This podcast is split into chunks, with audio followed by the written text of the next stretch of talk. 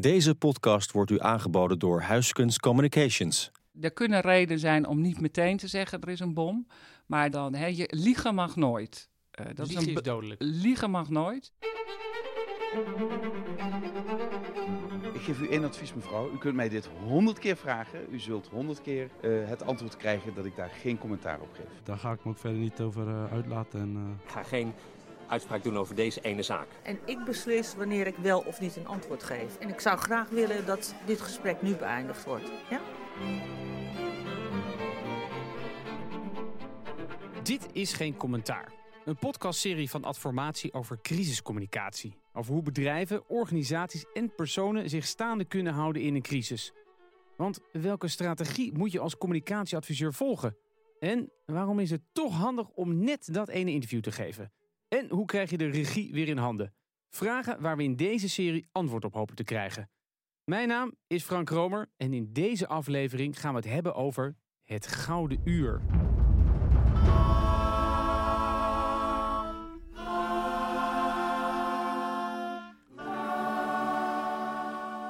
Als er één organisatie is die veel te maken heeft met crisissen, dan is het wel de politie. Of het nu gaat om een moord, terreurdreiging of een demonstratie, altijd is de politie daar om het woord te voeren. En zelf heeft de politie ook met genoeg crisissen te maken gehad. Denk bijvoorbeeld eens aan de heftige reorganisatie. Ik noem een lekkende politiemol. En dus ging ik langs bij Mirjam Otte. Jarenlang werkte zij bij de gemeente Amsterdam. Maar nu is ze al een paar jaar hoofdcommunicatie van de nationale politie. Ik sprak haar op het hoofdbureau in Den Haag over hoe de politie een crisis aanpakt.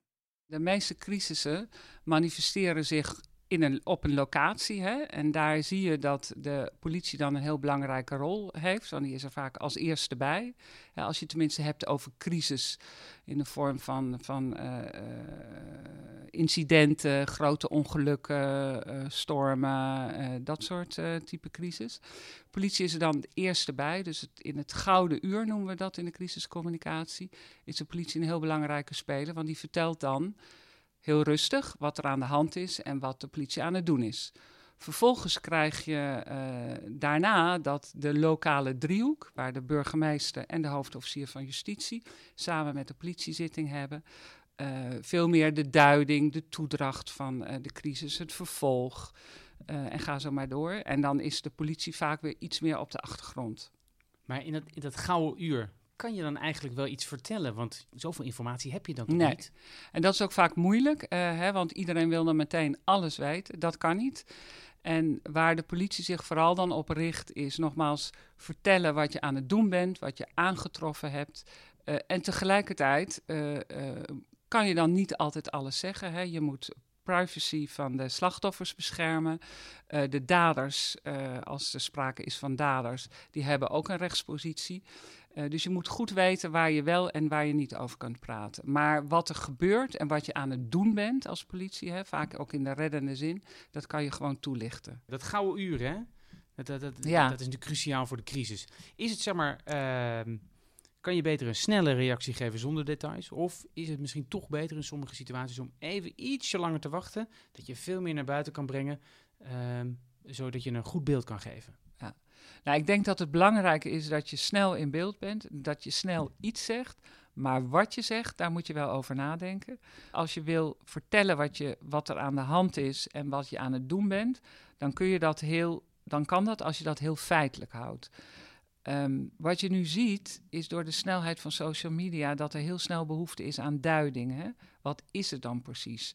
Uh, is het terreur? Uh, uh, wat voor type dader hebben we mee te maken? Wat voor een, was het een ongeluk of was het toch iets wat opzettelijk, wat opzettelijk is gebeurd? En daar moet, je, um, ja, daar moet je niet te snel en niet te langzaam in, in zijn. Maar in ieder geval alles wat je zegt moet kloppen. Ja. Uh, hè, dus gevalideerde informatie is heel erg belangrijk. En vaak weten wij ook gewoon nog niet wat de precieze duiding is. Ja. En dan moet je ook niet net doen alsof je dat wel weet. En denken van het zal wel ongeveer zo Ja. zijn. En politiemensen zijn daar over het algemeen ook vrij goed in. Ja. Dus beperk je tot de feitelijkheden van, eh, van de situatie. Je moet dus snel en feitelijk reageren. Of zoals Mirjam het zegt, beschrijf het proces. Welke stappen worden er op dit moment uitgevoerd? Zo trek je de regie naar je toe. Je ziet het trouwens ook bij bedrijven in crisis. Dan komt de woordvoerder En die legt dan uit wat er gebeurt en wat de procedure is. Maar goed, terug naar de politie. Want na het gouden uur gaan er hele andere krachten spelen. Er komt namelijk al snel het OM erbij en die nemen dan vaak de lead. Die bepalen wat er gezegd kan worden en wat niet. En als een crisis echt groot is, dan schuift de burgemeester aan. En dan is de driehoek compleet. En die burgemeester die heeft natuurlijk weer andere belangen dan de politie en het OM. Want de burgemeester die wil in sommige gevallen de inwoners geruststellen. Kortom, in de driehoek zitten allemaal verschillende belangen. Als je, uh, je directe doel is om een zaak goed voor de rechter te brengen, dan is communicatie vaak verstorend. Uh, hè, want het kan het onderzoek beïnvloeden. Het kan de potentiële verdachte disqualificeren, waardoor die later strafvermindering krijgt van de rechter. Terwijl de politie. Kijk, de politie staat natuurlijk midden in de samenleving. De politie wil ook naar voren stappen. We hebben ook als organisatie actieve transparantie is een van onze vijf kerndingen uh, in ons kompas. Vinden wij heel erg belangrijk. Ja, dan vinden we het soms moeilijk om te zeggen: ja, we kunnen niks zeggen, want het belang van zus of zo. Wij willen altijd graag vertellen wat er aan de hand is en wat we aan het doen zijn. Politiemensen kunnen dat ook heel goed. Hè? Je ziet nu op social media. Uh, vinden ze het heel fijn om verhalen te vertellen. Hè? Wat heb ik vandaag meegemaakt? Wat is er gebeurd? Um, dus er zit in die zin wel een verschil van focus. En uh, dat is op zich helemaal niet erg. Mirjam kan zich nog heel goed herinneren hoe bij een landelijke crisis er verschillende inzichten waren. Vanmorgen, even voor 9 uur, werd hem definitief de mond gesnoerd door messteken en kogels. De verdachte is aangehouden. Het gaat om een 26-jarige Amsterdammer met een dubbele nationaliteit. De Nederlandse en de Marokkaanse. Over zijn motieven wil de politie nog niets kwijt. Ik herinner me nog wel, maar dit is echt wel heel lang geleden. Hè, de moord op Theo van Gogh. Uh, jaren geleden, uh, dan zie je dat dat een enorme dynamiek in de stad uh, geeft. Hè. Op dat moment werkte ik in Amsterdam. Dan voel je dat de samenleving vraagt om de zichtbare overheid. En toen hebben we heel snel gezegd, we willen een persconferentie doen.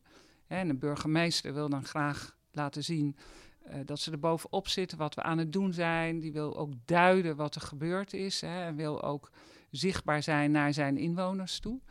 Je ziet dat het Openbaar Ministerie dat dan wat ingewikkelder vindt, omdat die heel erg zijn op ja, welke informatie hebben we nou eigenlijk?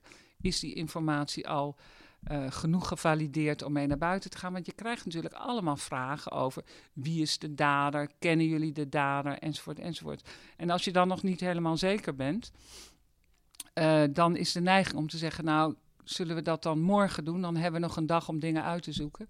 En uh, zo'n burgemeester wil dan snel naar voren. En ik denk dat de politie ook in dat spectrum graag snel mee wil om naar buiten aan mensen te vertellen wat er aan de hand is. Is natuurlijk ook een deel van regulier politiewerk. Hè?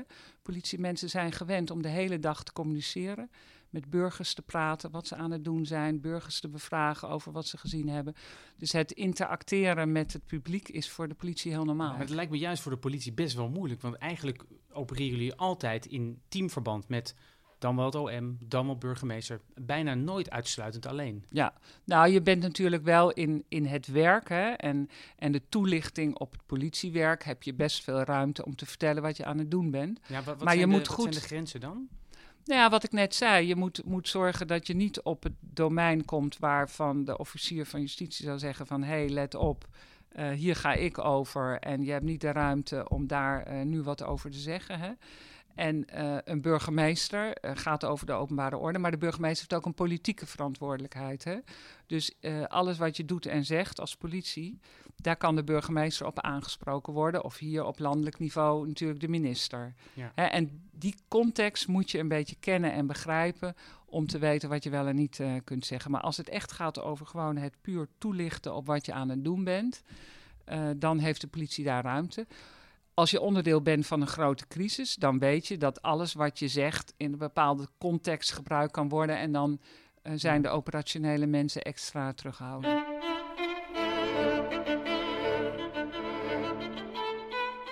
Het is daarom van groot belang dat je elkaar vertrouwt in een team. Want anders ga je niks van elkaar overnemen. En dan heb je een probleem. Want ook al heeft iedereen zijn eigen domein, je moet goed nadenken wat de effecten zijn van een bepaalde keuze de effecten van de besluiten die genomen uh, worden, die kun je als, juist als communicatiedeskundige in een crisisteam brengen. Uh, hè, wat betekent het? Ik herinner me een crisis ook lang geleden in Amsterdam. Er was een dreiging van uh, er zou mogelijk een, een, een, auto met een bom in een van de tunnels ontploffen. Uh, en dat de vraag was: ga je nou tunnels afsluiten uh, uh, of niet? En als je dat dan doet, wat is dan het effect? Hè, dat speelde in de nacht, als ik me goed herinner. Wat, nou, wat betekent dat voor de ochtendspits? Dan maak je een stad op een bepaalde manier vanaf bepaalde kanten bijna onbereikbaar. hoe erg is de dreiging? Hè? Welke afweging wordt er dan gemaakt? En dan is het fijn dat je als communicatie meteen aan tafel zit om alvast na te gaan denken, hey, wat zijn de effecten daarvan en hoe kunnen wij vanuit communicatie helpen om die effecten zo klein mogelijk te laten zijn. Ja, en wat zou je dan in deze situatie, stel inderdaad er is een dreiging van een auto met een bom in een tunnel, zou je dan zeggen we gooien een tunnel dicht en zeggen dan wegwerkzaamheden? Of zou je dan gewoon zeggen er is een auto met een bom, waardoor je misschien wel paniek creëert?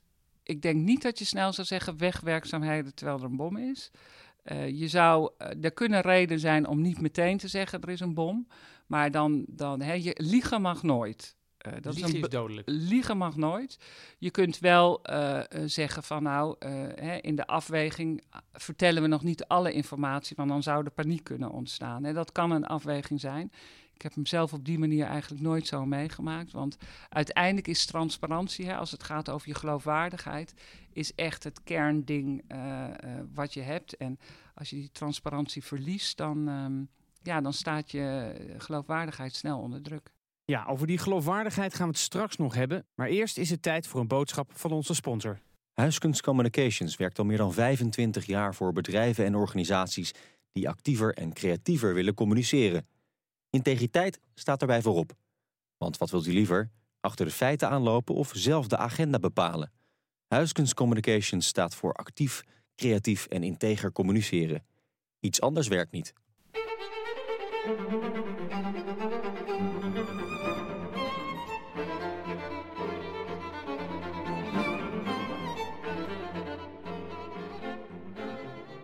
Goed. Eerder hadden we het dus al over de consequenties van het nemen van maatregelen. Daarbij speelt de afdeling communicatie een hele belangrijke rol. Mirjam moet altijd denken aan één geval in haar tijd in Amsterdam. Ik herinner me in Amsterdam dat we een hele grote storm hadden. En dat we ongeveer om half drie gingen communiceren, uh, binnenblijven allemaal. Hè? En dat we niet goed hadden nagedacht, wat betekent dat bijvoorbeeld voor kinderen op school? Het was net voordat de scholen uit zouden gaan. Uh, hè? En dan had je dus plotseling allemaal ouders van ga ik nu wel of niet naar school mijn kind ophalen? Hoe doe ik dat? Nou, dat is een heel practical klein ding. Hè? Uh, waar, waar je in je crisiscommunicatie dus heel goed rekening mee moet houden. Als ik iets zeg, als ik burgers een advies geef, hè, handelingsperspectief en handelingsadvies aan burgers geven is heel belangrijk. Uh, wat betekent dat dan in concrete situaties voor mensen? Hè, gaan we het openbaar vervoer eruit halen of niet? Uh, nou, dat is niet een besluit wat communicatie neemt, maar de effecten van het openbaar vervoer uit een grote stad halen zijn wel enorm. Hè? En doe je dat dan op een moment vlak voordat de spits begint, of, of doe je dat tijdens de spits? Dat zijn allemaal factoren die bepalend zijn van hoe dingen uh, beleefd worden, maar ook wat de effecten van je, van je communicatie kunnen zijn.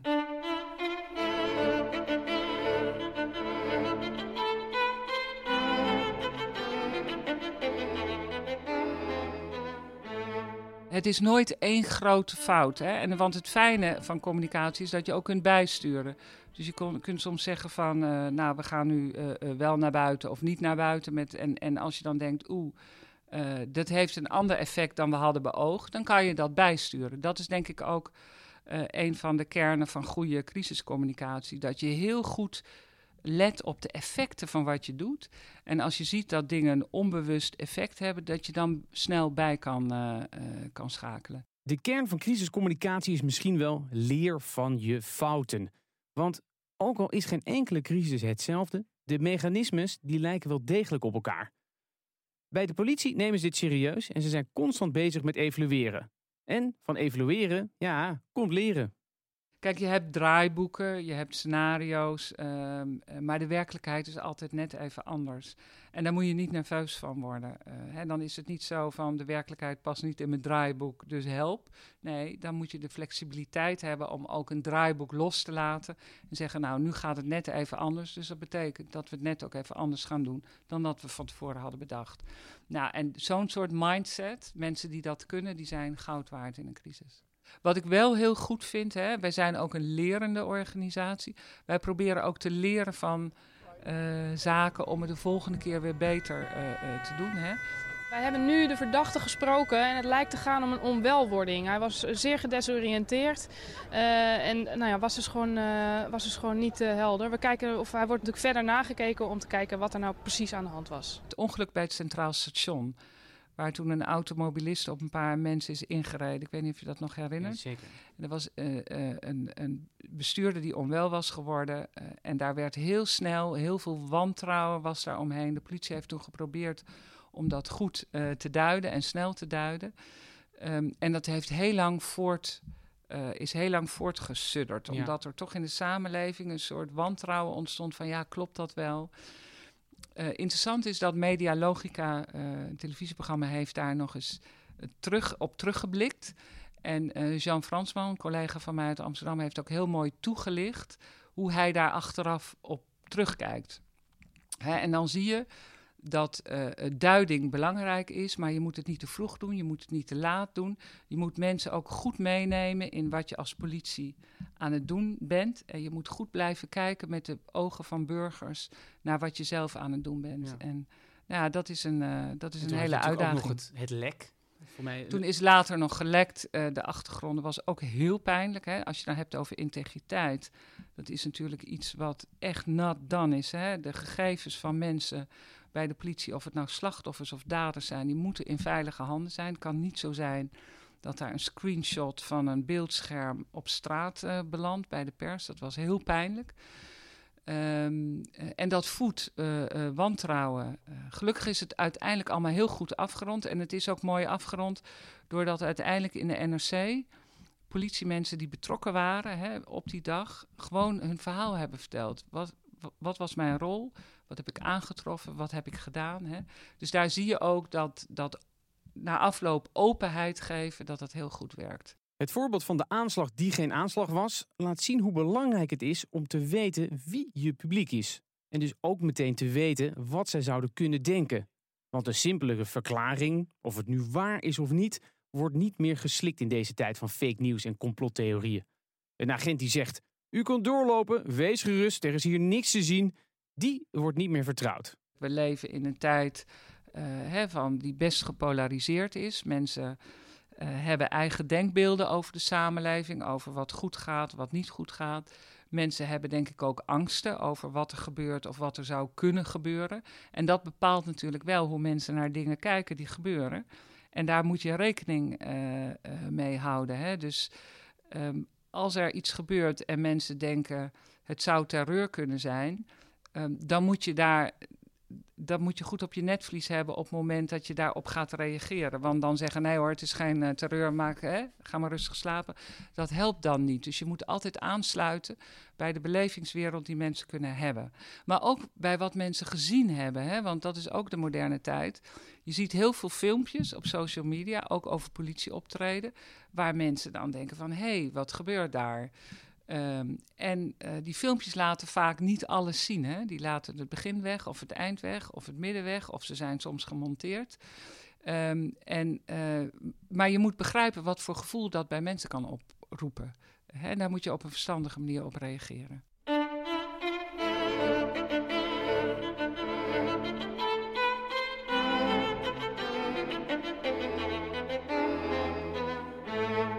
Genoeg over externe crisissen. Want wat is het beleid van de politie bij een interne zaak? En die zijn er genoeg. Denk bijvoorbeeld aan de voorzitter van de ondernemingsraad. Die vond het nog wel lekker om belastinggeld te gebruiken voor hele luxe partijtjes. Ook hier wordt flink gedronken en gegeten op kosten van de politie. Er is met geld gesmeten. December 2015 organiseert Kilté maar liefst drie personeelsfeesten. Een kerstborrel met chocoladeworkshop. Een diner met overnachting op de SS Rotterdam. En een feestweekend in het Amstel Hotel Partners mogen mee. Totale kosten 84.000 euro. Nou, kijk, integriteit, hè, want we hebben meer pijnlijke kwesties. Het is vooral heel pijnlijk als er iets gebeurt in jouw organisatie dat raakt aan de integriteit. Ofwel doordat mensen over de schreef gaan, uh, uh, of anderszins verkeerde dingen doen, hè, waardoor het, het vertrouwen van de burger in, in de organisatie geschaad kan worden. Dan is het denk ik belangrijk dat je als uh, dat je daar transparant over bent. Hè? Uh, en, en, niet denkt van nou, zolang niemand erachter komt, uh, komen er misschien wel mee weg. dat is een, een koers die wij hier niet willen volgen. Dus wij proberen daar zo actief, transparant mogelijk over te zijn.